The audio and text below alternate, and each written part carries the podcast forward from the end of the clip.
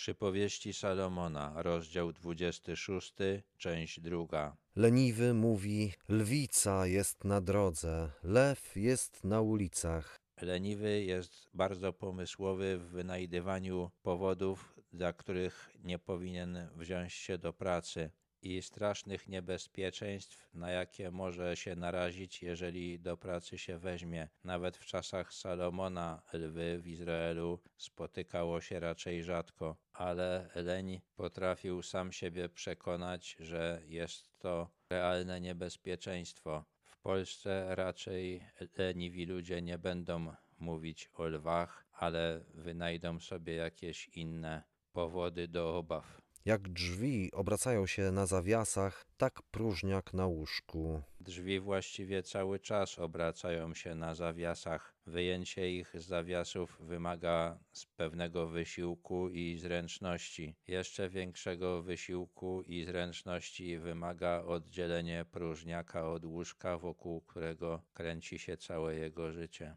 Leniwy wyciąga rękę do misy, lecz ciężko mu podnieść ją dalej do ust. Człowiekowi leniwemu nie chce się nawet zaspokajać głodu. Salomon już pisał o tym.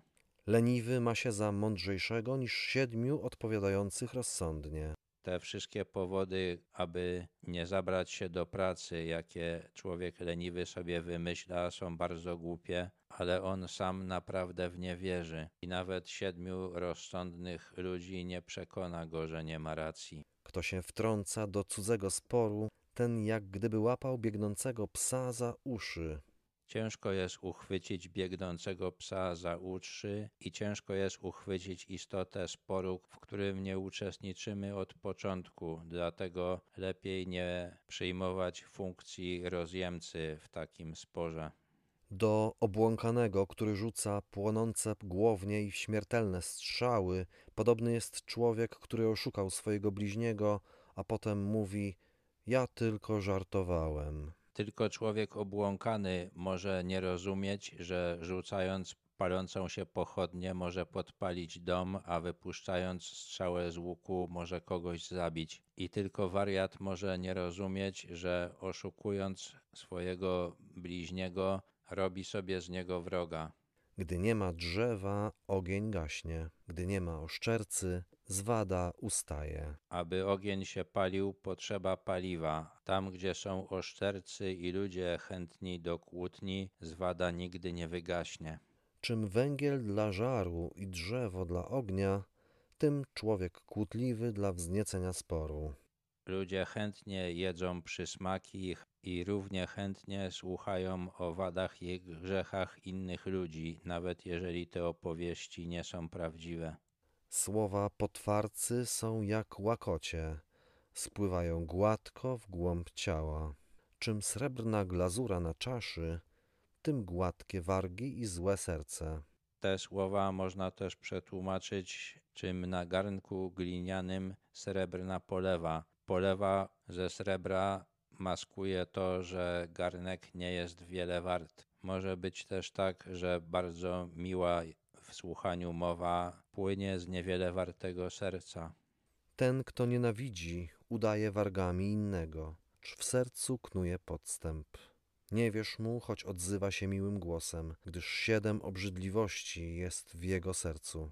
To jest jakby rozwinięcie poprzedniej myśli. Bywa tak, że człowiek, który nas szczerze nienawidzi i chce naszego nieszczęścia, będzie bardzo mile do nas mówił. Trzeba wiedzieć, że możemy się z kimś takim spotkać i trzeba umieć go rozpoznać. Choć nienawiść ubiera się w szatę pozornej życzliwości, to jednak jej złość wyjdzie na jaw w zgromadzeniu. Sami możemy nie rozpoznać człowieka, który nas nienawidzi i szykuje dla nas jakąś zasadzkę, ale tam, gdzie jest dużo ludzi, ktoś na pewno takiego człowieka właściwie oceni i przestrzeże nas.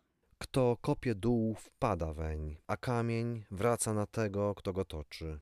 Zasadzki przygotowane przez ludzi podstępnych często obracają się przeciwko nim samym. Fałszywy język nienawidzi tych, których zmiażdżył, a usta pochlebcy prowadzą do zguby.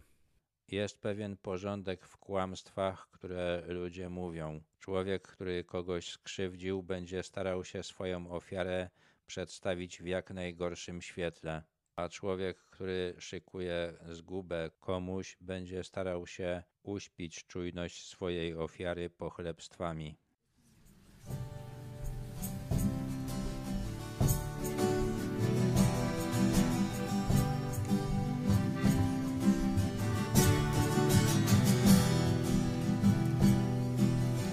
Uczniów swych posyłał Pan, by nieśli wieść radosną, żegnając ich dał swoją moc i mówił tak z miłością. Nie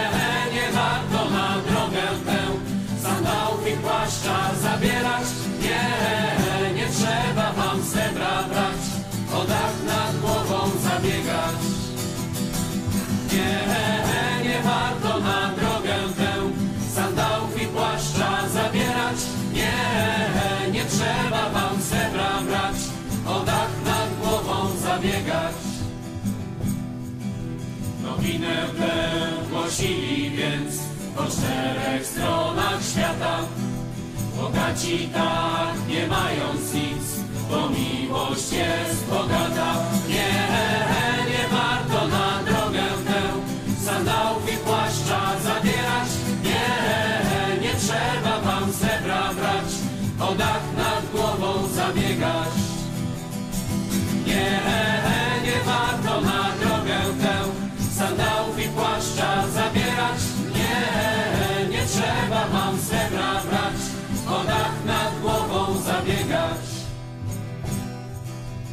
ukończyli żniwo swe, ostatnią drogę ruszyli. Patrzyli w niebo na Ojca dom i tak z ufnością mówili Nie,